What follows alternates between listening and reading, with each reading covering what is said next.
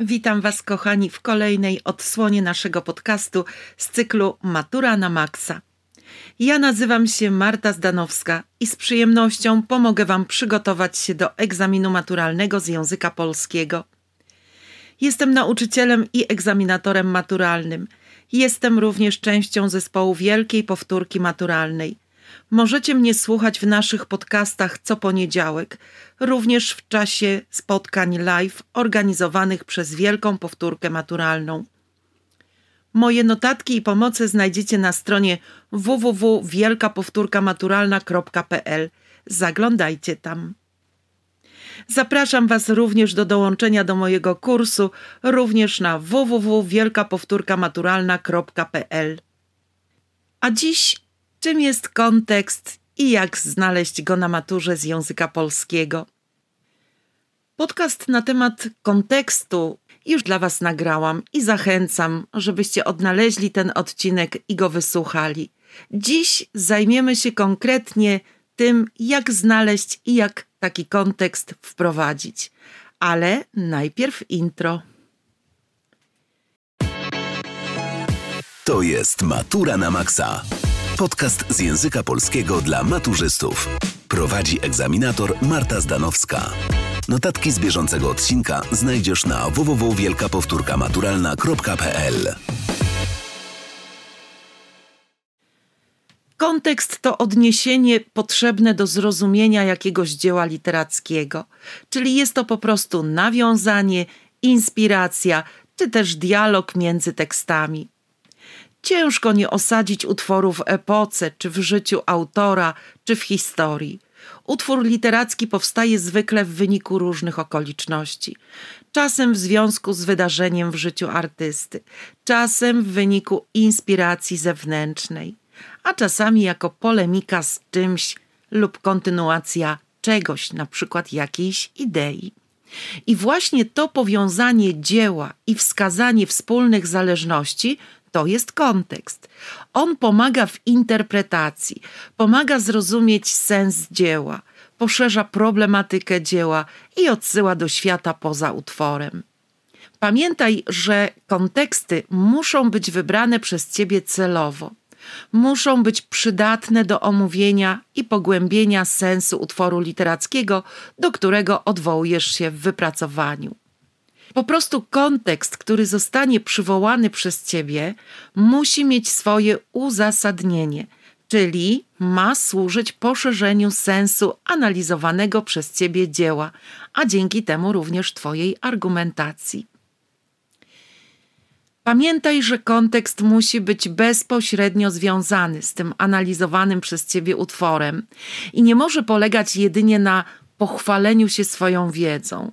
Nie może też to być informacja luźno związana z omawianym utworem czy zagadnieniem, ale ma służyć pogłębieniu sensu analizowanego dzieła czy problemu.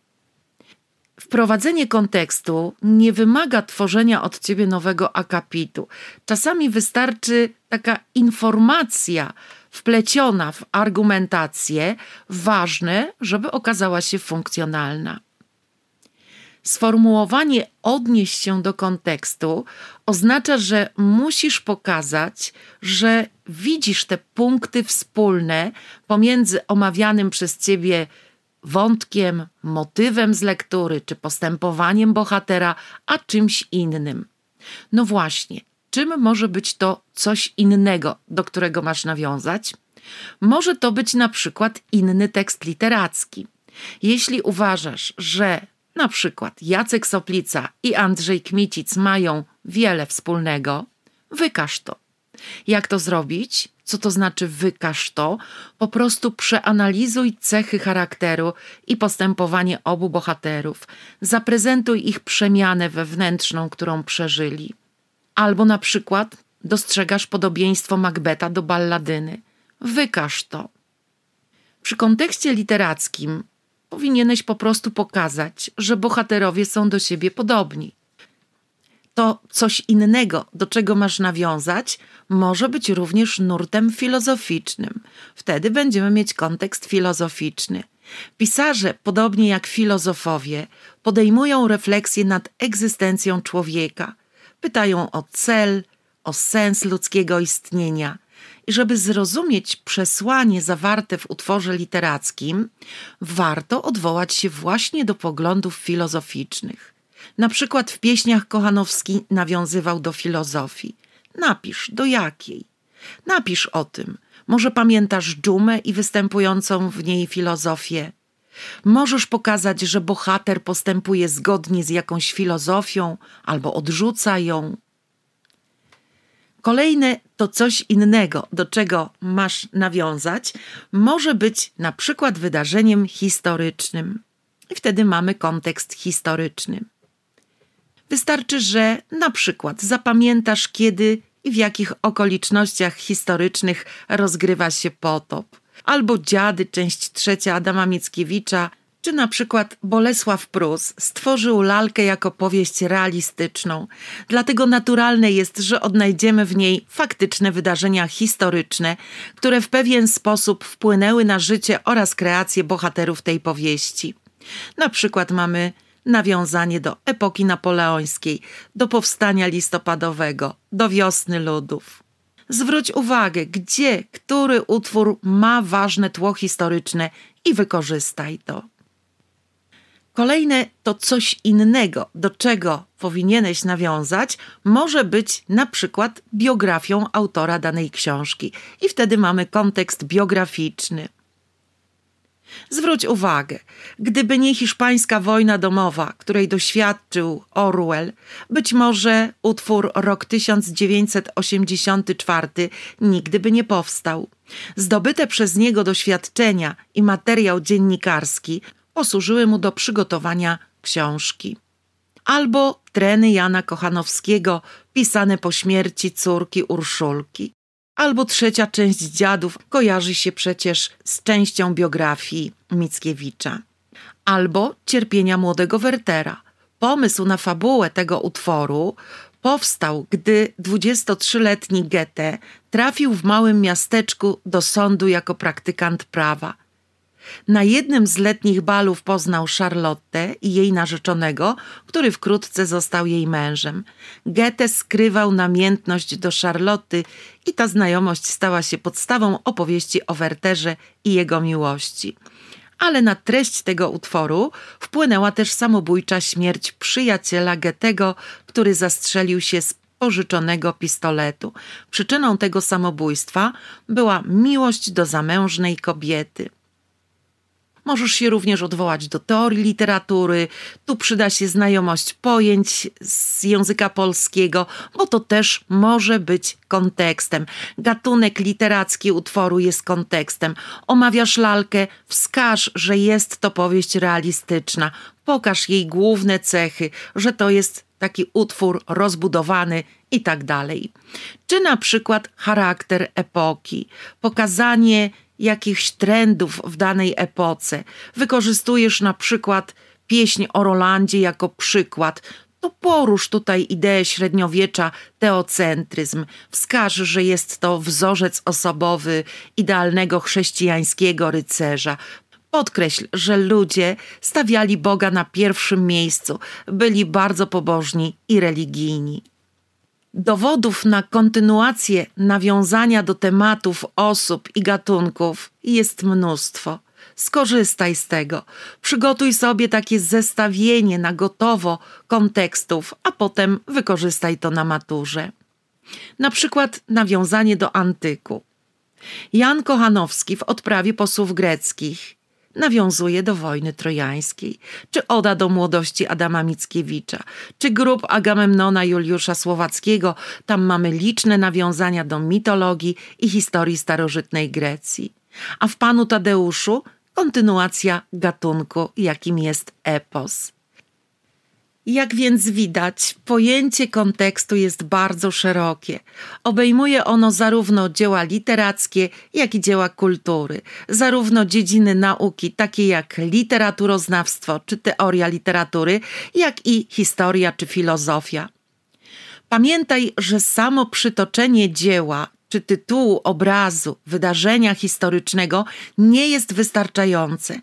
Powinieneś również wykazać się znajomością tego tekstu kultury lub wydarzenia, do którego się odnosisz.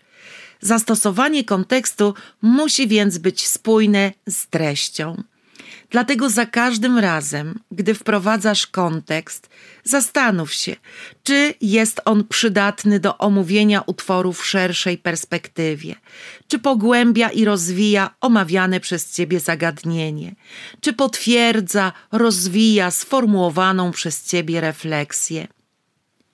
Wprowadzając kontekst, możesz skorzystać z takich zwrotów pomocniczych, jak na przykład, by lepiej zrozumieć ten problem, należy odwołać się do, albo nie można zrozumieć tekstu bez odwołania się do.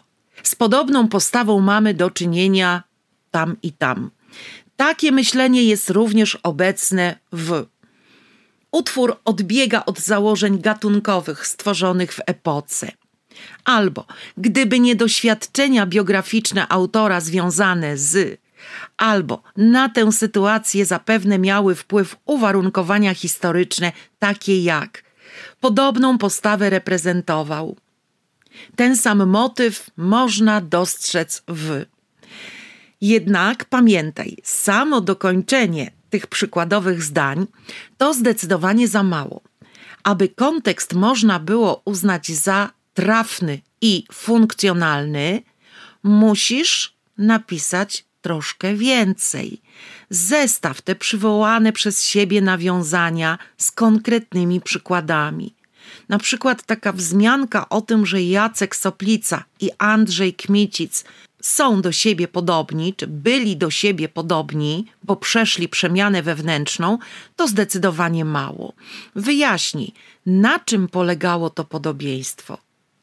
Przekonaj, że dzięki temu kontekstowi lepiej można zrozumieć ten problem czy tych bohaterów. No i na koniec taka dobra rada.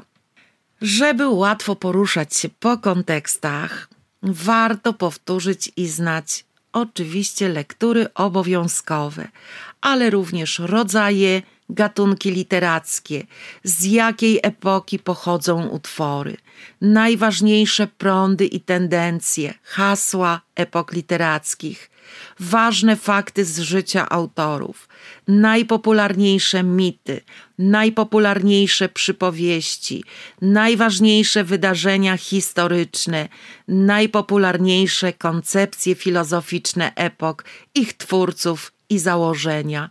To zdecydowanie ułatwi ci odnalezienie kontekstu i przygotuj sobie taką bazę, bo w każdej lekturze naprawdę mamy bardzo dużo nawiązań, odwołań i nie jest to trudne, żeby takie konteksty odnaleźć. Tyle dzisiaj. Obserwuj nas na Instagramie i na TikToku. Dołącz do mojego kursu maturalnego na www.wielkapowtórkamaturalna.pl. Zostaw swój adres mailowy na stronie www.wielkapowtórkamaturalna.pl, a notatki z każdego odcinka podcastu wysyłamy na bieżąco w każdy poniedziałek. Do usłyszenia w kolejnej odsłonie podcastu, na który serdecznie Was zapraszam.